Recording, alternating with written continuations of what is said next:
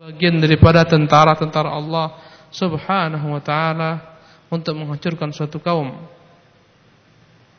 Sebagaimana Allah telah luluh lantahkan kaum Samud,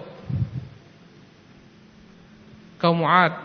Allah Subhanahu wa taala luluh negeri mereka dengan mengirim kepada mereka tentara-tentara Allah berbentuk angin.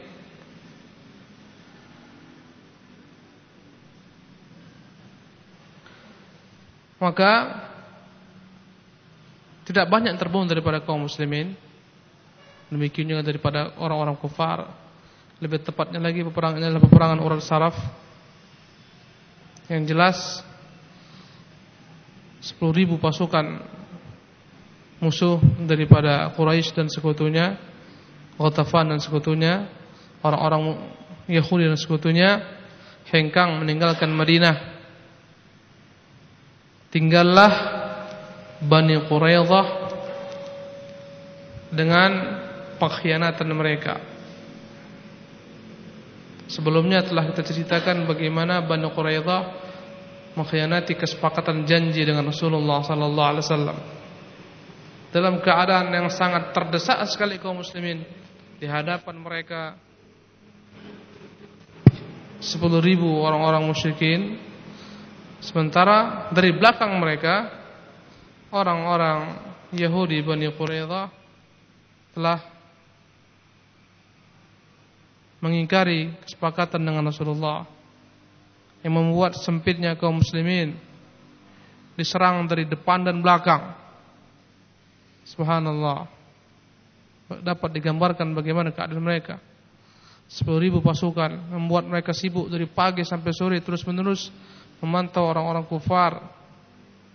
Sementara dari belakang mereka Bani Quraidah telah mengingkari kesepakatan, siap-siap menyerang kaum muslimin. Bahkan mereka telah beberapa kali mengirim bantuan-bantuan kepada orang-orang musyrikin. Allah menyebutkan dalam Al-Qur'an Al-Karim tentang perangan ini, "Idz ja'ukum min fawqikum wa min asfala minkum." Tatkala mereka datang kepada kalian dari arah belakang, dari atas kalian,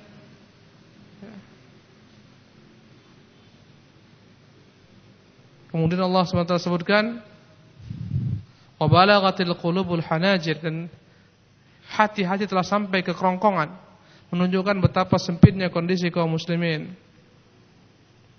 Watadhunnuna billahi dhununa Bahkan sebagian daripada kaum muslimin berprasangka-prasangka yang tidak baik kepada Allah Subhanahu wa taala. Ini orang-orang munafikin maksudnya. Hunalika btuliyal mu'minun. Ketika itu Allah uji, diuji orang-orang mukmin wa zulzilu zilzalan syadida. Dengan ujian yang sangat menakutkan sekali.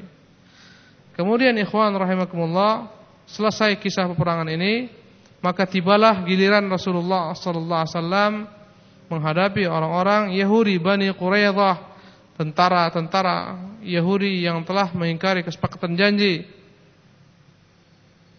Mereka ibarat penjahat-penjahat perang. Ketika Rasulullah SAW kembali ke Madinah selepas perang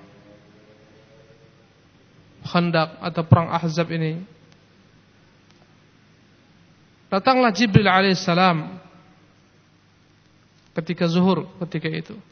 Sampai Rasulullah ke Madinah. Datanglah Jibril alaihissalam sementara Rasulullah sedang mandi di rumah Ummu Salamah. Maka Jibril alaihissalam bertanya, "Awaqad wada'ta silah?" Apakah engkau telah menggantungkan senjata-senjatamu wahai Muhammad? Sesungguhnya para malaikat-malaikat kata Jibril lam tadha aslihatahum. Belum lagi mereka menggantungkan senjata-senjata mereka. Wa ma raja'tu al-ana illa min talabil qaum. Tidaklah aku kembali kemari kecuali untuk mengajakmu menyerang mereka. Fanhad biman ma'aka ila bani Quraidah. Segeralah bangun ajak orang-orang mukmin berangkat ke Bani Quraidah. Sesungguhnya aku kata Jibril akan berjalan di depanmu Aku akan menggoncangkan mereka. Akan menggoncangkan benteng-benteng mereka. Akan membuat rasa takut dalam hati-hati mereka. Maka berangkatlah Jibril alaihissalam dengan para malaikat-malaikat untuk menggentarkan musuh-musuh Islam, orang-orang Yahudi Bani Quraidah, membuat khawatir dan takut hati mereka. Maka Rasulullah sallallahu alaihi wasallam kumandangkan di tengah-tengah manusia Man kana sami'an muti'an fala yusalliyanna al-'asra illa fi Bani Quraidah. Barang siapa yang mendengar dan patuh janganlah salat asar kecuali di Bani Quraidah. Kata Rasulullah, barang siapa yang patuh dan mendengar, maka hendaklah dia tidak salat asar kecuali di Bani Quraidah. Maka Rasulullah SAW tempatkan Ibnu Maktum menjadi pengganti beliau salat di Madinah. Rasulullah berikan panji bendera kepada Ali bin Abi Thalib. Rasulullah perintahkan Ali untuk maju terlebih dahulu dengan pasukannya. Sampai Ali telah mendekati tempat Bani Quraidah, maka Ali mendengar berbagai macam bentuk caci makian, sumpah serapah Bani Quraidah, celaan mereka kepada Rasulullah sallallahu alaihi wasallam. Maka berangkatlah Rasulullah sallallahu alaihi wasallam beserta rombongan orang-orang Muhajirin dan Ansar sampai mereka di sebuah mata air atau sumur miliknya Bani Quraidah yang disebut dengan nama Sumur Ana. Segera kaum muslimin menjalani menjalan yakni menjalankan perintah Rasulullah. Mereka pun segera bergegas, bersiap-siap menyusul Rasulullah sallallahu alaihi wasallam. Mereka bergerak menuju Quraidah. Ketika di tengah jalan masuklah waktu salat asar. Maka sebagian mereka berkata, kita kerjakan salat asar di Bani Quraidah karena itulah perintah Rasulullah. Sementara yang lain berkata, Rasulullah tidak inginkan kita melewati waktu salat asar. Tapi Rasul inginkan kita bersegera. Maka sebagian mereka salat di tengah jalan dan sebagian lainnya salat ketika sampai di Bani Quraidah dan Rasulullah SAW tidak mencela satu daripada dua kelompok ini. Semuanya Rasulullah Sallallahu Alaihi Wasallam menargan. Maka berangkatlah tentara kaum muslimin menuju Bani Quraidah satu rombongan demi satu rombongan. Ali yang paling terdepan, kemudian Rasulullah, kemudian para sahabat-sahabat lainnya. Berjumlah mereka seluruhnya 3000 orang. Berarti ini semua pasukan-pasukan yang akan menghadapi seluruh pasukan. Ini semua yang berangkat menuju Bani Quraidah. Karena kita sebutkan dalam perang Khandaq atau perang Azab, berapa lawan berapa? 10 ribu lawan 3 ribu. Ini 3 ribu semua Rasulullah kerahkan untuk mendatangi Bani Quraidah. Sampai mereka di tempat Bani Quraidah, segera mereka mengepung Bani Quraidah dan mereka telah masuk dalam benteng-benteng mereka yang kokoh yang tidak akan mungkin bisa dipaksa masuk ke sana. Gak mungkin. Benteng-benteng mereka kokoh, tinggi-tinggi. Tatkala pengepungan ini semakin mengkuat, berkata pemimpin mereka yang bernama Ka'ab bin Asad. Aku berikan kepada kalian tiga pilihan. Pilih satu daripada ketiga hal tersebut. Intinya Pilihan pertama, mari kita sama-sama masuk Islam. Masuk agama Muhammad. Maka pasti akan selamat darah kita, harta kita, anak-anak istri kita. Berkata ketika itu pemimpin mereka ini, Ka'ab bin Asad. Wallahi, laqad tabayyana lakum annahu lanabiyyun mursal. Demi Allah, kalian telah benar-benar yakin bahwasanya dia memang benar-benar nabi yang diutus Allah wa annahu alladhi tajidunahu fi kitabikum. Sesungguhnya dia benar-benar nabi yang kalian dapati dalam kitab-kitab kalian. Ini pilihan pertama. Ya masuk Islam memeluk agama Muhammad sallallahu alaihi wasallam. Tentunya hal ini akan membuat terpeliharanya darah mereka harta anak-anak mereka seluruhnya. Apalagi nabi tersebut memang benar-benar nabi Sampai-sampai bersumpah pemimpin mereka Ka'ab bin, bin Asad Demi Allah dia benar-benar Nabi yang kalian ketahui dalam kitab kalian Itu pilihan pertama Atau pilihan yang kedua Kita bunuh saja anak-anak kita semua, istri kita semua. Setelah itu kita keluar, kita lawan mereka. Hanya dua pilihan. Kalau kita nggak menang, kita mati seluruhnya. Nggak ada lagi yang tersisa. Nggak ada lagi anak-anak kita, istri kita. Dan ini merupakan strategi perang bangsa Arab. Ya.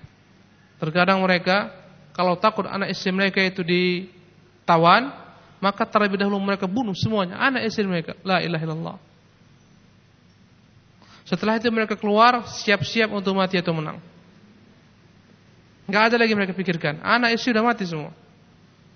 Kalau udah anak mati, istri mati nggak ada pikirkan kecuali ya berperang mati-matian. Subhanallah. Ini pilihan yang kedua.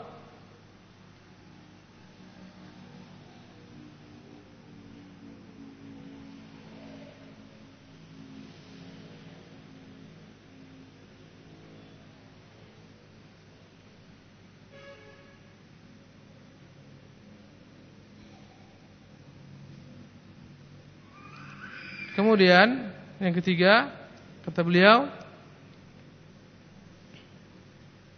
mereka eh, memerangi Muhammad SAW melanggar kesepakatan mereka dengan agama mereka pada hari Sabtu. Jadi meminta agar mereka membatalkan agama mereka yang melarang untuk berperang di hari Sabtu. Tetapi ketiga perkara ini semuanya ditolak oleh orang-orang Yahudi. Sehingga dengan marah sekali Ka'ab bin Asad berkata, "Ma bata rajul minkum mundu waradathu lailatan wahidatan min ad-dahri haziman." Aku heran melihat kalian. Tidak pernah kalian sama sekali serius panjang kalian dilahirkan oleh ibu-ibu kalian sampai saat ini. Satu pun nggak ada yang mereka terima usulannya.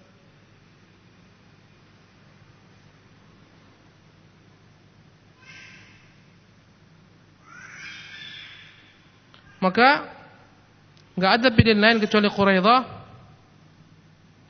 menyerahkan diri mereka, urusan mereka kepada keputusan Rasulullah sallallahu alaihi wasallam. Karena Allah telah goncangkan hati mereka, Allah SWT buat mereka takut, maka mereka menyerah kepada Rasulullah SAW. Maka mereka serahkan diri mereka, harta mereka kepada keputusan Rasulullah, anak-anak istri mereka. Tetapi sebagian daripada mereka ingin mengetahui apa kira-kira yang akan diperbuat Rasulullah terhadap mereka. Maka mereka mengutus seseorang kepada Rasulullah SAW agar Rasulullah mengutus ke benteng mereka Abu Lubabah. Dan Abu Lubabah sebelum Islam memiliki pertalian dengan orang-orang Yahudi Bani Quraidah. Bahkan anak mereka, anak dia tinggal di negeri Bani Quraidah. Harta dia di sana juga ada. Maka datanglah Abu Lubabah radhiyallahu taala ke benteng Bani Quraidah diutus Rasulullah, dia datang ke dalam benteng. Sesampainya dalam benteng, berbondong-bondong perempuan, anak-anak menangis-nangis di hadapan Abu Lubabah. Maka iba hati Lubabah, Abu Lubabah radhiyallahu taala Kemudian mereka bertanya, "Wahai Abu Lubabah, bagaimana pendapatmu? Apakah kira-kira kami itu lebih baik menyerahkan urusan kami kepada keputusan Muhammad?" Apa kira-kira akan dibuat oleh Muhammad jika kami serahkan diri kami kepada beliau kepada Muhammad? Maka Abu Buaba radhiyallahu taala keliru. Dia isyaratkan ke lehernya dia bilang kalian akan dibunuh semuanya. Subhanallah. Kalian akan disembelih semuanya. Maka seketika Abu Buaba sadar bahwa dia telah berkhianat terhadap Allah dan Rasulnya. Karena dia telah membocorkan rahasia Rasulullah Sallallahu Alaihi Wasallam. Segera dia keluar, dia tidak kembali ke Rasulullah, tapi dia datang ke masjid Nabi, kemudian dia ikatkan dirinya di sana, di salah satu tiang daripada tiang-tiang masjid Nabi, dan dia bersumpah bahwasanya tidaklah ada yang melepaskan tali ikatan itu kecuali Rasulullah wasallam. Dan dia bersumpah tidak akan pernah kembali masuk ke negerinya Bani Quraidah. Maka tatkala Rasulullah mendengar beritanya dan sebelumnya Rasulullah menanti-nanti kedatangan Abu Lubabah, ternyata beliau langsung ke Madinah. Berkata Rasulullah, "Ama innahu law ja'ani lastaghfartulah." Kenapa dia tidak datang kepadaku? Maka aku akan mintakan baginya ampunan kepada Allah Subhanahu wa taala. Amma idza qad fa'ala ma fa'ala fama ana billadhi utliquhu min makani hatta yatub Allah alaih. Kalaupun dia telah terlanjur ya, mengikat dirinya maka semua urusannya aku serahkan kepada Allah. Tidak bisa aku lepaskan dia kecuali Allah menerima taubatnya. Subhanallah. Itu kata Rasulullah. Jadi Abu Lubabah tersilap. Ya. Sama dengan Abu Hatib Al-Balta'ah pernah juga tersilap ketika memberitahukan kepada orang-orang Mekah bosnya Rasulullah akan segera datang dengan mal tentaranya. Ya. Masing-masing khilaf. Tapi kedua-duanya bertobat kepada Allah Subhanahu wa taala. Ikhwani al-kiram rahimanillah wa iyyakum ajma'in.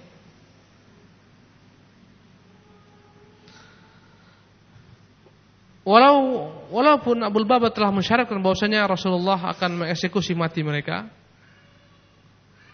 dan sebenarnya kalaulah orang-orang Yahudi mau, mereka mampu menahan diri mereka untuk tetap dalam benteng. Karena mereka telah menyiapkan bekal makanan untuk masa yang panjang. Sementara sumber-sumber air mereka dalam benteng terus-menerus mengalir. Sumur-sumur mereka juga mengalir. Benteng mereka kuat. Padahal kaum muslimin dalam keadaan lemah sekali. Dalam keadaan musim dingin yang bersangatan, angin kencang, mereka dalam kondisi paceklik, makanan enggak ada. Sebenarnya kalau dilihat mereka mampu untuk bertahan lama dalam benteng mereka. Apalagi kaum muslimin keletihan menghadapi tentara besar, tentara sekutu. Karena itu, kalaulah diperhitungkan, boleh jadi mereka dapat bertahan lama dan boleh jadi kaum muslimin membatalkan rencana mereka mengepung Bani Quraidah. Tetapi karena Allah Subhanahu wa taala telah membuat hati mereka gentar, takut maka telah hancurlah segala macam bentuk kekuatan mereka. Hancur keyakinan diri mereka. Sampai-sampai Ali radhiyallahu taala anhu menggertak mereka karena mereka tidak pernah keluar benteng, mereka tetap bertahan. Berkata Ali dan beberapa orang daripada para sahabat seperti Zubair bin Awam Ya katibatal iman wallahi la adzuqanna ma dzaqa Hamzah aw la aqtah la aftahanna hisnahum. Berkata Ali dengan suara yang lantang, wahai para sahabat-sahabatku, wahai orang-orang beriman, demi Allah, aku akan merasakan sebagaimana dirasakan Hamzah yakni kematian. Atau jika tidak aku pastikan buka benteng mereka. Ketika mereka melihat kesungguhan kaum muslimin, segera mereka turun daripada benteng mereka, menyerahkan urusan mereka kepada Rasulullah sallallahu alaihi wasallam. Maka Rasulullah perintahkan untuk untuk menawan semua pria dalam keadaan terikat tangan-tangan mereka diikatkan ke arah leher-leher mereka. Di bawah pimpinan Muhammad bin Maslamah radhiyallahu taala anhu al-Ansari. Adapun kaum wanita dan anak-anak dikumpulkan di satu tempat yang lainnya. Ketika itu datanglah orang-orang Aus menemui Rasulullah. Berkata mereka ya Rasulullah qad fa'alat qad fa'alta fi bani Qainuqa ma qad alimta wa hum hulafa wa ikhwan al-Khazraj. Apa kata mereka? Ya Rasulullah Bani Qainuqa orang-orang Yahudi Bani Qainuqa sebelumnya engkau telah memberikan kepada mereka keputusan sebagaimana permintaan saudara-saudara kami kaum Khazraj karena kaum Khazraj di atas pimpinan Sa'ad bin Ubadah meminta agar Rasulullah memberikan maaf mereka. Maka Rasulullah memberikan mereka maaf, Rasulullah perintahkan mereka semua untuk meninggalkan kota Madinah.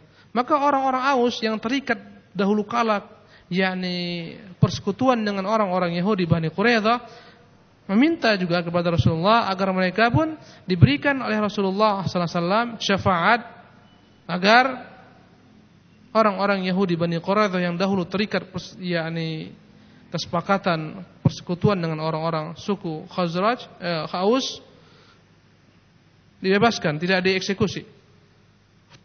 Maka berkata Rasulullah ketika mereka berdatang kepada Rasulullah, "Ya Rasulullah, berbuat baiklah kepada saudara eh, kepada orang-orang Yahudi Bani, Yahudi Bani Quraidah yang mereka dulu adalah merupakan sahabat-sahabat kami."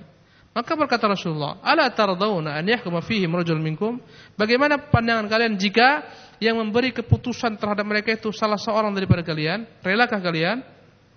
Bertanya Rasulullah kepada orang-orang Aus. Maka mereka berkata, "Tentu ya Rasulullah." Maka Rasulullah menjawab, kalau begitu hukum orang-orang Bani Quraidah kuserahkan kepada pemimpin kalian Sa'ad bin Mu'ad radhiyallahu taala. Maka seketika mereka semua gembira, mereka senang, mereka mengatakan radina, kami rela keputusan ini. Lihatlah betapa rahmatnya Rasulullah ya. Bani Qainuqa Rasulullah berikan kepada kaum Khazraj, terserah apa yang mereka mau buat. Maka mereka minta syafaat supaya Bani Qainuqa diusir saja. Sekarang orang-orang Aus karena dalam Madinah itu dua suku besar, Aus dan Khazraj. Khazraj ya, pimpinannya Sa'ad bin Ubadah. Adapun kaum Aus pimpinannya Sa'ad bin Mu'adz. Dahulu kala mereka bertempur sepanjang masa sampai Allah persatukan mereka dengan Islam. Maka sekarang melihat keadaan orang-orang Bani Quraidah maka kembalilah teringat orang-orang suku Aus kebaikan-kebaikan mereka di masa lampau, kerjasama mereka, hubungan mereka, mereka minta agar Rasulullah SAW berbuat baik kepada mereka. Maka Rasulullah tentukan keputusan ada di tangan pemimpin mereka yang bernama siapa tadi? Sa'ad bin Mu'ad radhiyallahu taala an. Ikhwani al-kiram rahimanillah wa iyyakum ajma'in. Maka Rasulullah utuslah utusan beliau menuju Madinah. Dan ketika itu Sa'ad bin Mu'ad di Madinah karena dia terluka. Ya. Terkena panah beliau radhiyallahu taala Terkena panah dalam perang Khandaq. Maka diusunglah. Dibawalah, dibopong Sa'ad bin Mu'ad ya, oleh para sahabat dinaikkan ke atas keledainya kemudian dibawa kepada Rasulullah dalam keadaan terluka. Ketika mereka sampai di hadapan Sa'ad bin Mu'ad, berkatalah ketika itu kaumnya, suku siapa tadi? Suku apa namanya? Suku Aus. Ya Sa'ad, ajmil fi mawalika fa ahsin fihi. Wahai Sa'ad, berbuat baiklah engkau kepada mawali engkau ini. Mawali maksudnya yani maula-maula, budak-budakmu ini. Ya. Berbuat baiklah kepada mereka. Sementara saat diam tidak berkata-kata sepatah kata pun. Mereka terus menerus minta wahai saat, wahai saat lihatlah mereka kasihani mereka berbuat baiklah kepada mereka sampai berkata saat. Apa kata saat? Laqad ana li Sa'din an la ta'khudhahu fillahi laumata laim. Kayaknya telah tiba waktunya saat sekarang untuk membuat keputusan yang dia tidak takut celaan orang-orang mencela. Dia akan membuat keputusan yang dia tidak peduli terhadap orang-orang yang mencela dia, siapa pun juga.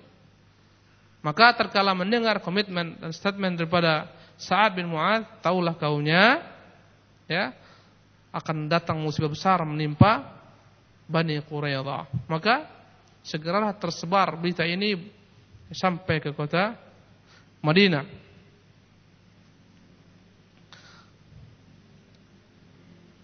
Tatkala sampai saat Hadapan Rasulullah berkata Rasulullah, "Qumu ila sayyidikum." Berdirilah kalian kepada pemimpin kalian.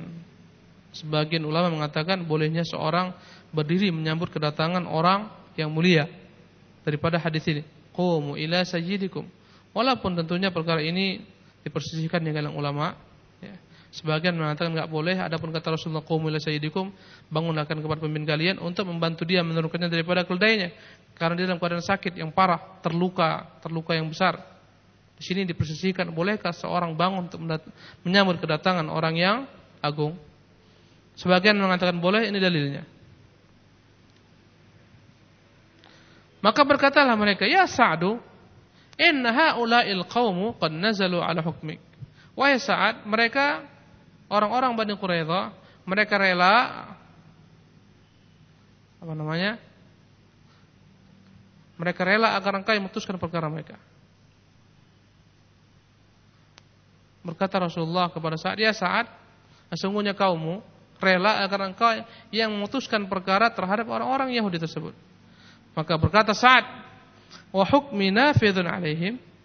Ya Rasulullah, apakah keputusanku berlaku atas mereka semuanya? Enggak ada yang boleh ngagugat? Kata Nabi, "Ya." Kemudian kembali Sa'ad bertanya, "Wa muslimin?" Apakah keputusan aku juga adalah merupakan keputusan yang pasti tidak dapat diganggu bahkan oleh seorang pun daripada kaum muslimin? Berkata Rasulullah, ya. Kemudian saat melirik kepada Rasulullah sembari berkata, wa ala man hahuna bahkan keputusanku berlaku ya Rasulullah tidak dapat digugat sampai dengan orang yang dekat di sini. Maksudnya siapa? Rasulullah sendiri. Subhanallah. Begitu segannya dia mengatakan kepada Rasulullah SAW. Kata Rasul, ya bahkan terhadap diriku keputusanmu akan berlaku. Tidak akan diganggu-gugat. Apa kata saat? Fa inni ahkumu fihim an yuqtalar rijal wa tusban nisa wa tusbad dzurriyyah wa tuqsamul amwal. Berkata saat, hukumku yang tidak dapat diganggu-gugat, semua laki-laki mereka yang telah dewasa eksekusi mati. Semua anak dan istri mereka jadi jadi budak. Semua harta mereka dibagi. Maka berkata Rasulullah sallallahu alaihi wasallam ketika mendengar keputusan Sa'ad, laqad hakamta fihim bihukmillah min fawqi sab'i samawat. Demi Allah ya Sa'ad, hukummu ini telah mengenai hukum Allah, telah menepati hukum yang Allah tetapkan dari atas langit ketujuh. Subhanallah. Kata Rasulullah, hukummu ini telah menepati hukum yang Allah SWT tetapkan dari atas langit ketujuh. Begitulah hukumannya, subhanallah. Laki-lakinya diapain? eksekusi mati semuanya. Karena ini penjahat perang semua ikhwan. Dalam kondisi terjepit di hadapan mereka 10 ribu orang, inilah malah mengingkari perjanjian yang seharusnya mereka bantu, itu kesepakatan janji. Bahwasanya mereka dengan kaum muslimin saling tolong menolong, bantu membantu jika ada musuh dari luar yang datang. Ini bahkan mereka mengumpat-ngumpat Rasulullah, caci maki Rasulullah, menginjak-injak eh, kesepakatan janji yang mereka buat. Apa Muhammad? Enggak ada janji sama mereka. Apa kaum muslimin? Gak ada. Itu semua gak ada semua itu. Itulah yang mereka sebutkan. Sampai-sampai Rasulullah perintahkan untuk cek dan ternyata benar mereka telah mengingkari perjanjian dengan Rasulullah dan para sahabat. Bahkan mereka memaki-maki kaum muslimin, mencaci maki Rasulullah SAW. Maka Rasulullah perintahkan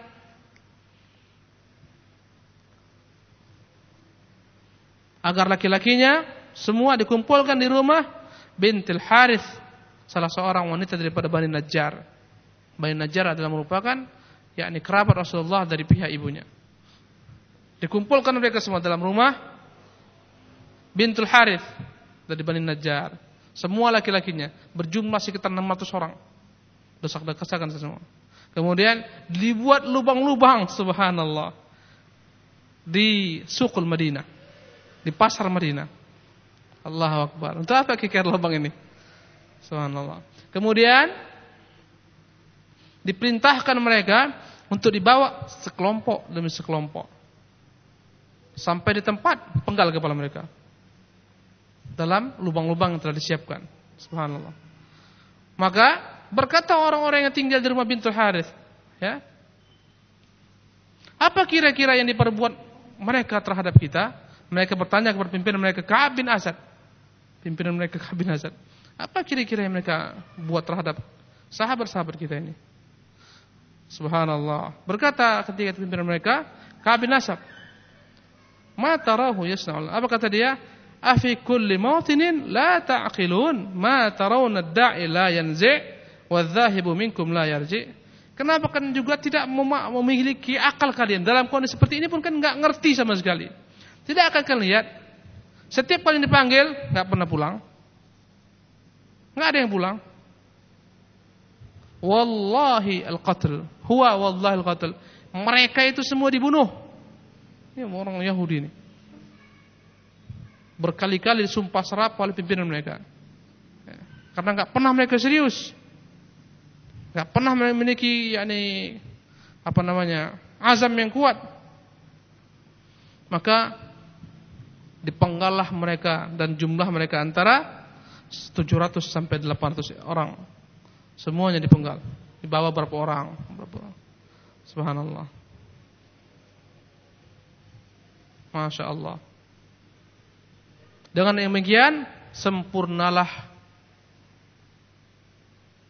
perbuatan Rasulullah untuk mengembalikan kewibawaan kaum muslimin terhadap para pengkhianat semuanya habis. Bani Qainuqa, Bani Nadir, Bani Quraidah habis semua. Orang-orang munafik pikir-pikir kembali mereka buat onar dalam negeri Madinah. Subhanallah. Itu bagi orang-orang yang terang-terang menampakkan pengkhianatan. Subhanallah. Maka kembali orang-orang munafik bagikan ular-ular kembali masuk ke lubang, enggak berani nampakkan kepalanya. Subhanallah. Dan kaum muslimin kembali memiliki wibawa di hadapan musuh-musuhnya. Maka perlakuan kaum muslimin terhadap orang-orang Yahudi Bani Quraidah bukanlah perlakuan yang tidak adil ataupun kezaliman. Ini perlakuan yang adil. Mereka ini semuanya penjahat perang. Penjahat perang. Mereka bukan tentara-tentara biasa, mereka penjahat perang yang merusak kesepakatan para pengkhianat. Subhanallah. Kemudian ikhwan, terbunuh pula di antara mereka satu orang pimpinan Bani Nadir yang bernama Huyai bin Akhtab. Kan Huyai ini yang datang sebelumnya. Huyai ini yang datang ketika perang Khandak, perang Ahzab. Dia ketuk-ketuk pintu rumah Kaab berkali-kali, "Ya Kaab, aku bawa kepadamu tentara yang banyak jumlahnya, aku bawa kepadamu kemuliaan sepanjang zaman." Kata Kaab, "Maka bawa kehinaan kemari." Dirayu, dirayu, dirayu. Sampai akhirnya dia pun termakan. Dengan kesepakatan janji, kamu kalaulah orang-orang itu mereka semuanya meninggalkan kami, engkau wajib ikut beserta kami. Dan ternyata Huyai bin Akhtab menyepakati perjanjian. Dia masuk ke dalam benteng sama-sama dikepung dengan orang-orang Yahudi Bani Quraidah. Dan Huyai bin Akhtab ya, bapaknya Safiyah Ummul Mukminin. Safiyah menjadi tawanan Rasulullah kemudian dibebaskan dan dinikahi oleh Rasulullah sallallahu alaihi wasallam Safiyah radhiyallahu taala anha setelah dia masuk Islam. Bapaknya ini adalah kepala suku Bani Bani Nadir. Bapaknya inilah yang membuat yakni terkecohnya apa namanya ter, tergugahnya hasrat orang-orang Bani Quraidah untuk mengingkari janji. Jadi ketika orang-orang Quraisy kembali, Ghatafan kembali, dia ikut ke dalam bentengnya Yahudi Bani Quraidah untuk me, eh, apa namanya eh, membuktikan janji setianya dengan Ka'ab bin Asad. Tatkala dibawa Huyai bin Akhtab, dia membawa perhiasan yang banyak. Tapi perhiasan yang dia bawa semuanya telah dihancurkan. Tinggal sepotong-sepotong supaya nggak bisa diambil kaum mukminin. Subhanallah. Ya, dia bawa perhiasan yang banyak Semuanya telah dihancurkan supaya enggak bisa diambil kaum mukminin kaum mukminin manfaatnya. Kemudian dalam keadaan terikat dibawa kepada Rasulullah sallallahu alaihi wasallam. Maka dia berkata kepada Rasulullah, "Ama wallahi malum tu nafsi fi muadatik." Demi Allah, aku tidak mencela diriku karena memerangi engkau, walakin man yughalibillah yaghlib. Yughlab. Tetapi barang siapa yang menentang Allah pasti dia itu dikalahkan. Apa kata dia? Aku bukanlah mencela diriku memerangi kau, tapi siapa pun yang menentang Allah pasti dikalahkan. Tahu dia. Apa kata dia? Ayuhan nas. Wahai manusia, la ba'sa bi amrillah. Inilah dia ketentuan Allah. Kitabun wa qadar. Ketentuan Allah telah dituliskan, takdir yang telah dituliskan wa malhamatun katabaha Allah ala Bani Israel. Inilah dia merupakan nasib yang Allah telah tetapkan kepada Bani Israel. Subhanallah. Dia tahu. Ya, Allah telah mengutuk Bani Israel selama-lamanya keadaan hina. Kullama aqal naran lil harbi Allah. Tiap, tiap, tiap, tiap kala mereka ingin mengobarkan api peperangan, Allah padamkan api tersebut. Bangsa yang pengecut ya, bangsa yang pengkhianat yang tidak pernah berdamai selama-lamanya. Maka setelah itu dipenggal kepalanya, duduk dipenggal kepalanya. Tahu dia, kata dia apa ini ketentuan Allah Subhanahu wa taala kepada Bani Israel bahwa mereka akan dihinakan. Allahu akbar. Adapun dari golongan wanita, satu orang saja daripada Yahudi Bani Quraidah yang terbunuh. Karena dia turut berperang, bahkan dia memukul memukul salah seorang kaum muslimin ya, dengan dengan batu besar sehingga terbunuh. Karena itulah dia pun dibunuh. Satu orang terbunuh daripada wanita Yahudi Bani Quraidah. Maka Rasulullah perintahkan kaum muslimin untuk memeriksa barang siapa yang telah tumbuh bulu kemaluannya dari golongan laki-laki penggal. Ini menunjukkan bahwasanya di antara tanda-tanda baliknya seorang adalah munculnya bulu kemaluan. Maka Rasulullah periksa ketika itu, suruh para periksa. Yang telah muncul bulu kemaluan penggal kepalanya, subhanallah.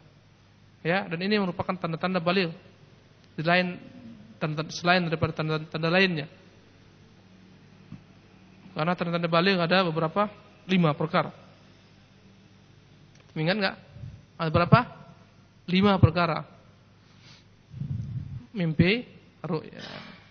Mimpi ini bagi perempuan dan laki-laki. Al-imbat, munculnya bulu kemaluan. Yang ketiga, alhamlu, hamil jika dia perempuan. Yang keempat adalah haid, haid jika dia perempuan. Yang kelima, ketika mencapai usia 15 tahun. Kalau anda kata nggak ada muncul bulunya, nggak ada mimpi, umurnya 15 tahun, maka dia dianggap balik. Maka di antara orang-orang yang selamat dari golongan yang Bani Quraidah adalah Atiyah al-Qurazi. Ketika itu, ya, dia dibiarkan hidup karena dia belum tumbuh bulu kemaluannya. Dianggap dia belum balik. Dan akhirnya dia masuk Islam dan menjadi sahabat Rasulullah wasallam. Kemudian Thabit bin Qais meminta kepada Rasulullah untuk diberikan suaka kepada Az-Zubair bin Bata dan keluarganya. Az-Zubair Az-Zubair bin Bata dari golongan orang-orang Yahudi Bani Quraisyah yang dahulu kala mereka terikat kesepakatan janji yani, eh, apa namanya yang memiliki jasa-jasa yang besar terhadap Thabit bin Qais, maka Thabit ingin membalas kebaikan tersebut. Dia minta kepada Rasulullah agar mereka dibebaskan. Ya. Maka dibebaskanlah ketika itu Thabit bin Qais, uh, uh, dibebaskan ketika Az-Zubair bin Bata. Berkata Thabit, sesungguhnya Rasulullah telah memberikan kepadamu suaka engkau dan seluruh anak istri, anak istrimu semuanya. Bebas. Namun berkata Zubair ketika itu, subhanallah, apa kata dia? Setelah dia mengetahui bahwasanya kaumnya semua enggak kembali, semuanya dipenggal, berkata Zubair, "Sa'altuka biyadi indaka ya Thabit illa alhaqtani alhaqtani bil ahibba." Aku bermohon kepadamu dengan wahai Thabit dengan jasa-jasa yang telah aku berikan kepadamu, hendaklah kau ikutkan aku dengan mereka orang-orang yang mencintai kaumku. Berarti dia milih apa? Milih mati dia. Subhanallah. Maka akhirnya dia pun dipenggal kepalanya. Tapi anaknya Az-Zubair dibiarkan hidup. Abdurrahman bin Az-Zubair dibiarkan hidup. Maka dia pun masuk Islam dan akhirnya menjadi sahabat Nabi sallallahu alaihi wasallam. Adapun Ummu Munzir meminta agar diberikan yakni suaka kepada Rifa' bin Samau al-Quradi. Maka dibebaskanlah Rifa'ah tersebut kemudian dia masuk Islam dan menjadi sahabat Nabi sallallahu alaihi wasallam. Ada pada malam hari sebelum eksekusi pagi harinya sebagian daripada golongan orang-orang Yahudi masuk Islam. Maka semua yang masuk Islam Allah SWT pelihara harta mereka, darah mereka dan anak istri mereka dikembalikan semuanya. Ada seorang yang bernama Amr. Malam harinya dia melarikan diri, tetapi memang dia Amr tidak pernah sama sekali setuju dengan perbuatan kaumnya dan dia tidak pernah sama sekali membantu kaumnya. Dia tidak pernah membantu kaumnya untuk bahkan dia yang melarang kaumnya berkhianat. Amr. Maka ketika dia keluar melarikan diri, nampak oleh Muhammad bin Maslamah dibiarkan saja. Karena dia nggak termasuk daripada orang-orang yang digolongkan ke dalam penjahat perang. Dibiarkan, maka dia lari dan nggak nggak dikejar, tidak diketahui ke mana arahnya dia lari. Setelah itu Rasulullah eh, Rasulullah SAW bagikan harta Bani Quraidah setelah mengeluarkan seperlima daripadanya. Seperlima dikeluarkan untuk saham Allah dan Rasulnya Kemudian yang berikutnya 4 per 5 dibagi kepada kaum muslimin yang ikut bertempur ketika itu. Untuk orang-orang yang berperang dengan kudanya tiga bagian. Satu untuk dia, dua bagian kuda. Dan untuk orang-orang yang berperang dengan jalan kaki diberikan satu bagian. Kemudian Para tawanan-tawanan perang tersebut dari golongan anak-anak dan, perempuan-perempuan di bawah pimpinan Sa'ad bin Zaid al-Ansari dibawa kemudian dijual. Subhanallah, dijual di pasar perbudakan, kemudian hasilnya digunakan untuk membeli persenjataan bagi kaum muslimin. Kemudian Rasulullah ambil dari kaum wanita mereka Raihanah bintu Amr bin Khanaqah. Raihanah dan berselisih ahli sejarah apakah Rohana ini adalah merupakan budak Rasulullah selain Maryam Al-Qibtiyah atau dia merupakan istri Rasulullah yang Rasulullah nikahi. Sebagian mengatakan dia itu budak yang dipakai Rasulullah sampai meninggal. Sebagian mengatakan dia telah dibebaskan oleh Rasulullah SAW kemudian dinikahi Rasulullah pada tahun ke-6 Hijriah dan meninggal ketika Rasulullah SAW pulang daripada haji wada dikuburkan di Baqi Raihana namanya siapa? Raihana selain Maria Al-Qibtiyah. Setelah sempurna perkara Bani Quraidah, maka Allah kabulkan doa Sa'ad Sa bin Mu'az karena dia ingin berjanji kepada Allah jangan sampai dimatikan sebelum menyelesaikan perkara Bani Quraidah. Maka selesai perkara Bani Quraidah, akhirnya Allah SWT sempurnakan janjinya. Kemudian luka yang dialami oleh Sa'ad bin Mu'az melebar kembali pecah darahnya Subhanallah, sampai mengalir darahnya. Nampak oleh para sahabat-sahabat mereka heran, darah siapa ini? Dan ternyata Sa'ad bin Mu'adz radhiyallahu taala kembali lukanya mengangkat dan dia meninggal karenanya. Radhiyallahu taala anhu arda. Berkata Rasulullah dalam hadis yang dikutip Jabir dalam Sahih Bukhari Muslim, "Ihtazza 'arsyur Rahman limauti Sa'ad bin Mu'adz." Goyang arsy Allah karena wafatnya Sa'ad bin Mu'adz radhiyallahu taala ketika dibawa jenazah Sa'ad berkata orang-orang munafikin alangkah ringannya seolah-olah kami enggak bawa jenazah. Berkata Rasulullah sesungguhnya malaikat-malaikat turut membawa Sa'ad bin Mu'adz radhiyallahu taala Adapun ketika mengepung Bani Quraidah satu orang daripada kaum muslimin yang terbunuh itu yang dibunuh oleh wanita dari Bani Quraidah tersebut yang dipukulkan pakai batu oleh wanita tersebut Adapun perkara Abu Lubabah yang tadi kita tinggalkan, Abu Lubabah yang dia berkhianat, dia kelepasan ngomong, yang mengikat dirinya selama enam malam, dia ikat dirinya di tiang masjid Rasulullah SAW. Tiap kali waktu sholat datang, maka datanglah istrinya melepaskan tangannya, kemudian dia sholat, selepas itu dia kembali diikat kembali. Subhanallah. Dan dia berjanji tidak ada yang boleh mukanya kecuali Rasulullah. Setelah enam malam, datanglah berita taubatnya daripada Allah Subhanahu wa taala. Subhanallah. Para sahabat, taubat mereka itu diterima Allah dengan turun wahyu. Subhanallah. Allahu akbar. Maka bergembiralah kaum muslimin, berlamba-lamba mereka sampaikan pada saat berlamba uh, ber, ber, uh, sampaikan kepada Abu Lubabah dan berlamba-lamba mereka ingin melepaskan tangan Abu Lubabah dari ikatan. Berkata Abu Lubabah, "Tidak, biar Rasulullah sendiri yang melepaskannya." Sampai datang Rasulullah SAW kemudian tangan beliau pun dilepaskan oleh Rasulullah SAW perangan ini peperangan Bani Quraidah ini terjadi pada tahun kelima Hijriah dan pengepungan terjadi selama 25 malam. Dan Allah SWT hancurkan yakni keberanian orang-orang Yahudi Bani Quraidah sehingga mereka akhirnya menyerah kepada ketentuan Rasulullah SAW. Dengan itu habislah orang-orang Yahudi dalam kota Madinah. Habis. Tiga suku dulu. Qainuqa, Nadir, Quraidah. Tiga-tiganya semuanya berkhianat diusir. Tinggal nanti yang di Khaybar, insyaallah kita akan ceritakan. Ya. Masih ada orang-orang yang di, di, di Khaybar. Nanti insyaallah taala akan ada masanya kita akan terangkan bagaimana peristiwa perang Khaybar. Wallahu taala alam bisawab. Wassalamualaikum warahmatullahi wabarakatuh.